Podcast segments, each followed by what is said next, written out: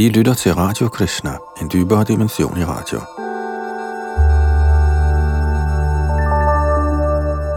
Elfte morgenvandring i bogen Liv kommer fra liv er optaget den 15. maj 1973 i Cheviot Hills Park, Los Angeles.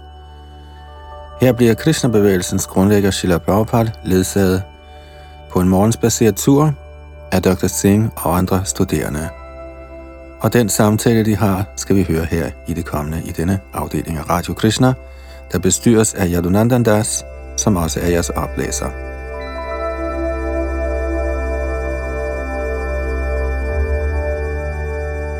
Dr. Singh siger, Videnskabsmændene finder det meget svært at se den åndelige sjæl. De siger, at det er tvivlsomt, om den overhovedet eksisterer. Prabhupada siger, hvordan kan de se den? Den er for lille til at kunne ses. Hvem har sådanne øjne? Dr. Singh siger, alligevel ønsker de at opfatte den på en anden måde. Prabhupada siger, hvis man giver en person en indsprøjtning af selv en meget lille mængde af en stærk gift, dør han med det samme. Ingen kan se giften eller hvordan den virker, men den virker alligevel. Så hvordan kan det være, at videnskabsmænd ikke kan se sjælen gennem dens symptomer? I sådanne tilfælde er vi nødt til at se igennem symptomerne. Vedderne siger, at hele kroppen fungerer på grund af den mikroskopiske partikel, der kaldes for. Hvis jeg kniber mig selv, mærker jeg det med det samme, fordi jeg er bevidst overalt i min hud. Men så snart sjælen er ude af min krop, hvilket er tilfældet, når kroppen dør, kan man tage den samme hud og skære og hugge den i stykker, og ingen vil protestere. Hvorfor er dette simple punkt så svært at forstå? Er det ikke at finde ånden? Dr. Singh siger, måske kan vi finde sjælen på den måde, men hvad med Gud? Prabhupada siger, lad os først forstå sjælen. Sjælen er en lille prøve af Gud. Hvis man kan forstå prøven, kan man også forstå helheden.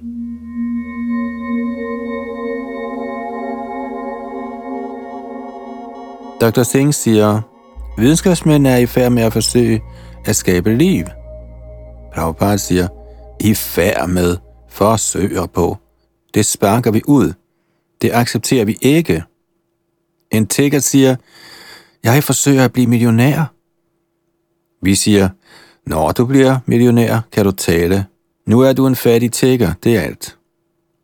Videnskabsmændene siger, de prøver.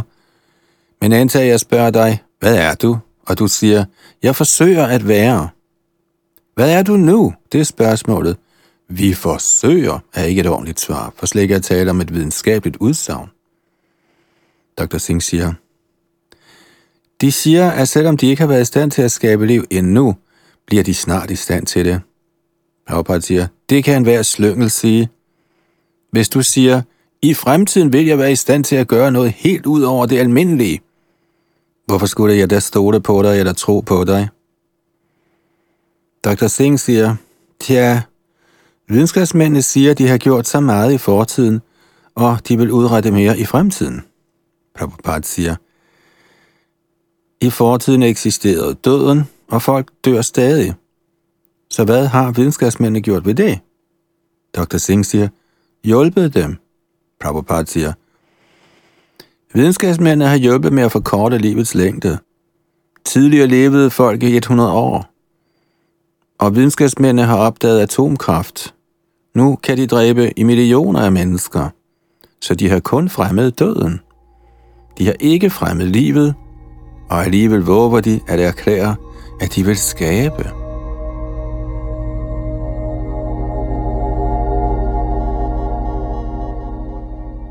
Dr. Singh siger, men vi har jo flyvemaskiner og Prabhupada afbryder.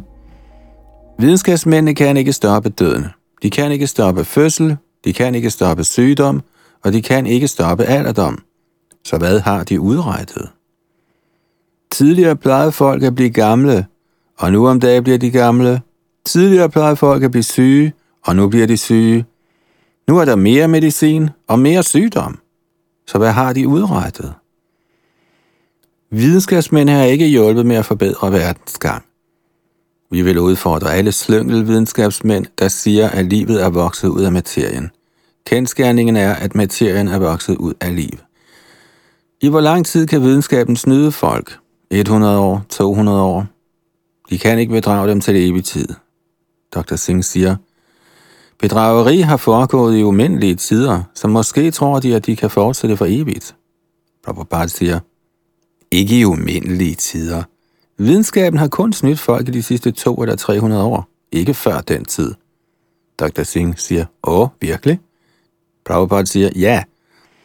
I de sidste 200 år har de prædiket, at liv kommer af materien, ikke i tusinder af år. Og bedrageriet vil ophøre i løbet af de næste 50 år.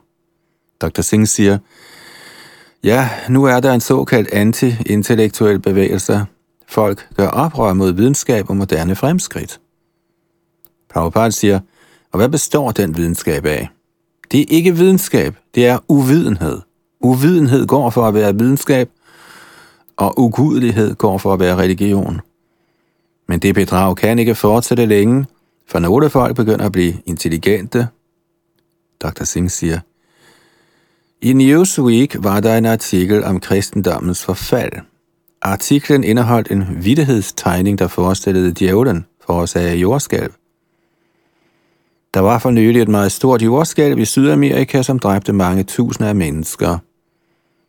Vidighedstegningen tilskrev djævlen sådanne ting, og lige ved siden af ham viste den Richard Nixon, der præsenterede sig selv som en tilhænger af Kristus, men som samtidig bombede Sydøstasien. I denne vittighedstegning vendte djævlen sig til Richard Nixon og sagde, det er et fandens arbejde at holde trit med de kristne. Prabhupada siger, ja, folk vil kritisere på den måde. Folk er ved at blive avanceret. I hvor lang tid kan de blive snydt af såkaldt videnskab og såkaldt religion? Hvis herr Nixon elsker sine landsmænd, hvorfor elsker han da ikke sit lands køer? De er også født i samme land, og de har samme ret til at leve. Hvorfor bliver de slået ihjel? Du må ikke slå ihjel, men dyrene bliver dræbt. Det er uperfekt. Krishna omfavner både køerne og Radharani. Det er perfekt. Krishna taler selv med fuglene. En dag ved brøden af Jamuna-floden talte han med en fugl, for han taler selv fuglenes sprog. En gammel dame så det, der blev dybt forundret. Åh, oh, han taler med en fugl. Dr. Singh siger, Mener de, at han rent faktisk talte på den måde, fuglene taler? Prabhupada, ja. En af Krishnas kvaliteter, der beskrives i Vedderne, er, at han kan tale alle sprog. Han er alle levende væseners far, og faren kan forstå sine børns sprog. Krishna er den højeste nyder. I virkeligheden kan ingen, med undtagelse af dem, der er Krishna-bevidste, have hverken virkelig viden eller nydelse. Man lider blot, men man tror, at lidelsen er nydelse. Det kaldes Maya eller illusion. I Amerika arbejder folk hårdt, dag og nat, og de tror, jeg nyder. Det er Maya. En betinget sjæl kan ikke nyde noget som helst. Han lider kun, men han tror, han nyder.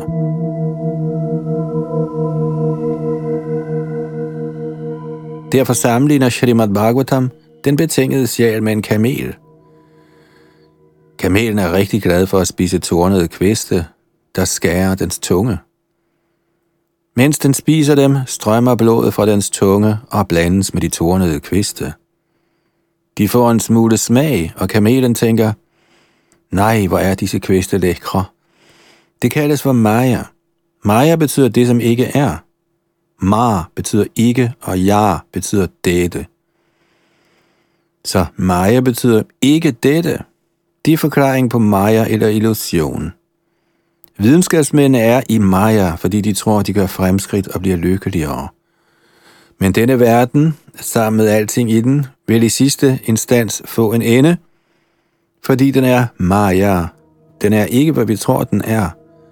Som Srimad Bhagavatam forklarer, tror materialisterne sig sejrige, men i virkeligheden lider de nederlag.